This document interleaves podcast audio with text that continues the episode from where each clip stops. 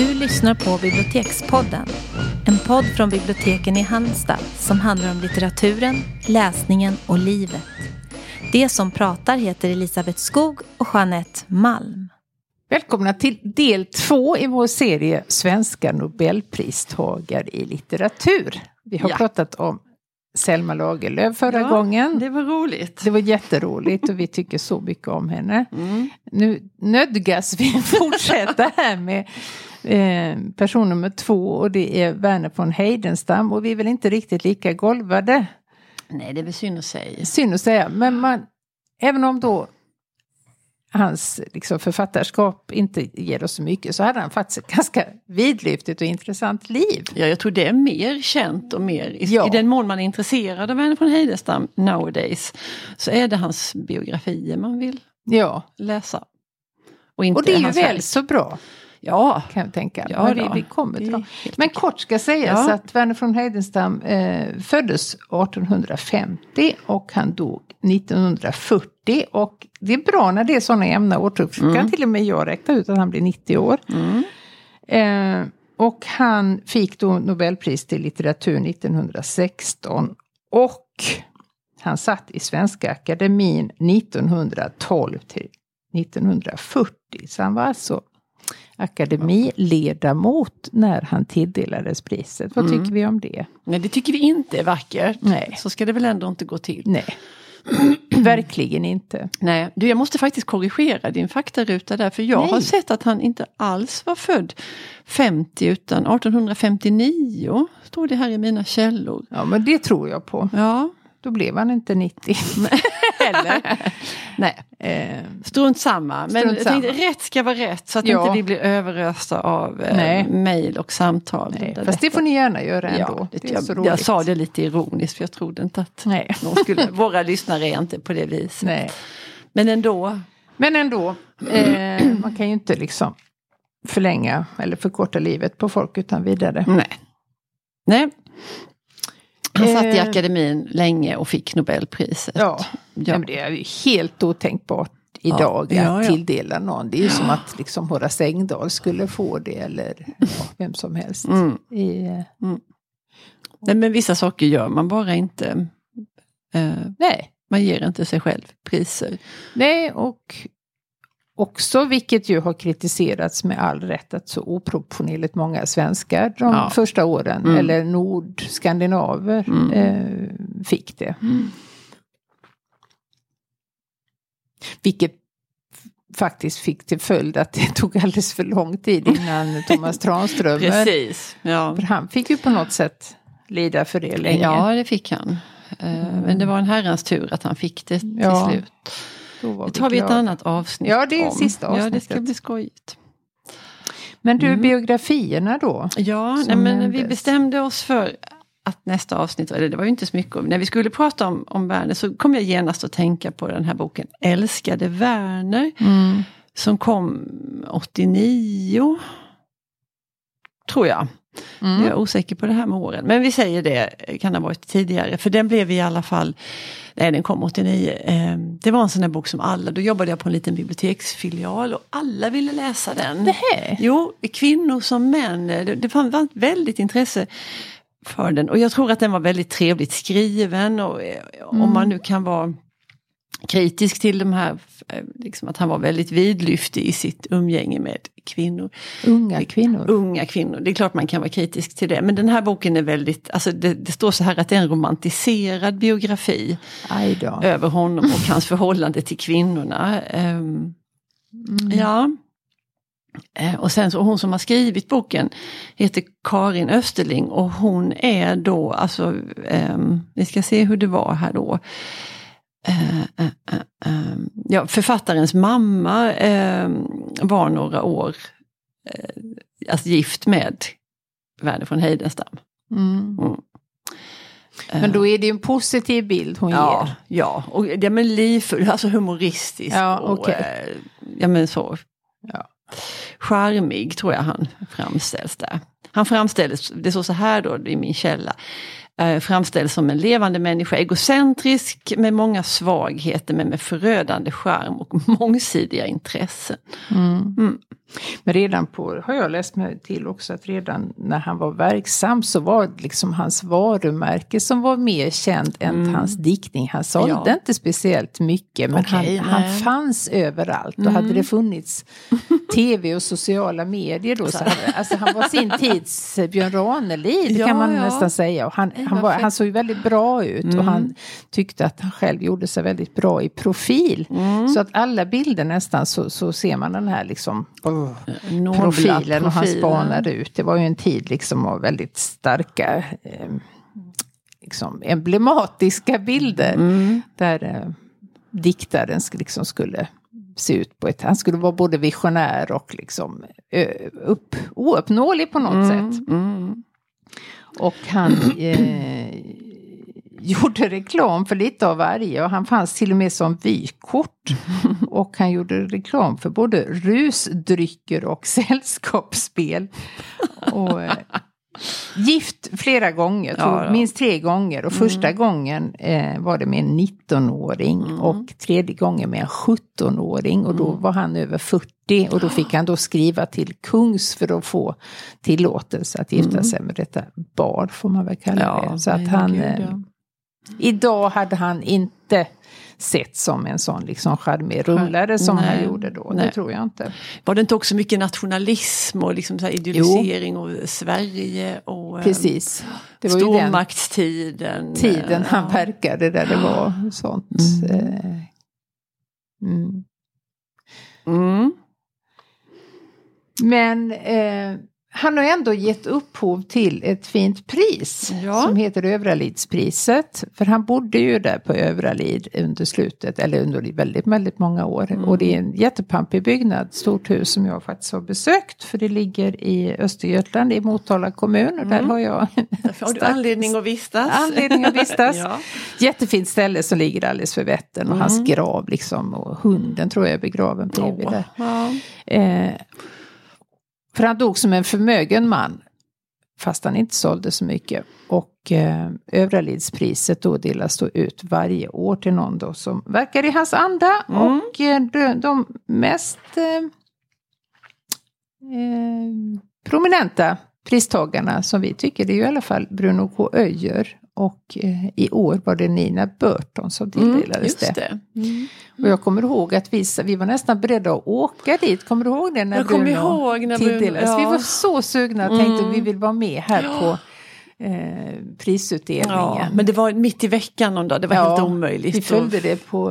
Eh, vi har sett filmen. vi sett och det blåste något så Ja. fruktansvärt. Så han fick stå och hålla sin hatt. Bruno håller i hatten och det fladdrar i papperna. Och, Mm. ja. Och då ingår det alltså att pristagaren ska hålla ett eh, tal. Det har då Werner sett till Mm. att pristagarna ska tala om Werner på, när de då tilldelas priset. Såklart. Och det avslutas med en...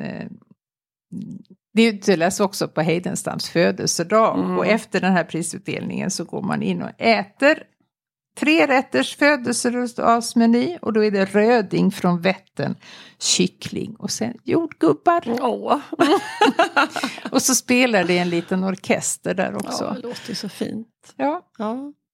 Där får vi nog, någon gång får vi nästla oss in där tror jag. jag tycker det. Ja. Ehm, Det hade varit alla tider. Men då vill man ju också ha jordgubbarna och vara med där i... ja, det kan bli värre. Vi kanske får ha med en, liksom en egen. Vi får fixa det själva helt enkelt. Ja, det är ju det vanliga, Jeanette. Mm, mm. Ja. mm. Eh, nej men som, som en motpol om man nu vill läsa på om, om Werner och så kan man absolut läsa den här charmiga älskade Werner. Men eh, som en välgörande motpol så kan man läsa en bok som heter Heidenstams harem. Som jag tror är lite mer explicit. Oj, ja det var Det, ju... ja, det är Kristin Sarimo som har skrivit den. Mm. Eh, Den kom 2008. Och eh, den tar ju en, ett, liksom ett grepp om hans syn på, på kön och sexualitet och visar hur han, han skildrar liksom manligt och kvinnligt eh, Mm. i, i sin litteratur. Och, och den här Kristin Sarimo kopplar det då till tidens tecken som var rådande då, det här med orientalismen och nationalismen. Och också ett, liksom ett marknadstänkande som var i kommande. Så det är Vad ju en, en intressant. annan vinkling på, på Heidenstam. Jag tycker Ja. bara titeln där Heidenstams harem i som man liksom bara what? Ja, det, den blir jag ju Ja. faktiskt mer sugen på Ja. än den där eh, liksom romantiserade bilden. Ja, man kan göra en jämförande studie. Mm. Mm. Eh, sen, kommer du ihåg någonting, jag menar inte i realtid, men kommer du ihåg någonting om Strindbergsfejden? Ja, mycket vagt. Det är någonting man nästan bara vet att Det att var det var. väsen, och ja. de var arga på varandra. Men Mm. inte, jag har inte alls fattat varför. Nej, men men då? huvudkombatanterna i det här var faktiskt Verner von Heidenstam och Strindberg. Mm. För att Strindberg var ju som han var. Ja. Eh, och jag tror, det här har jag inte läst någonstans, men jag tror att han surnade till när eh, Nej, han var död när Heidenstam fick Nobelpriset så det kan Det vi kan glömma. det. Jag tänkte, för att Strindberg fick det ju aldrig att det kan vara det, men det kan det inte vara. Han var i alla fall sur för att på den här liksom eh, att eh, troheten mot kung, kungahuset och upphöjandet utav det här krigiska Mm. förflutna. Det gillade inte Strindberg. Det gillade inte Strindberg. Nej. Så han skrev då i aftontidningen en jättearg eh, artikel om det här. Och detta ledde då till att det avbildas satirteckningar av Strindberg. Och det blir han ju inte gladare av ska vi säga. Och då trappade han upp det och då gick han framför allt till angrepp mot Verner von Heidenstam och Svenska Akademin. Och han kallade Heidenstam dikter för pekoral.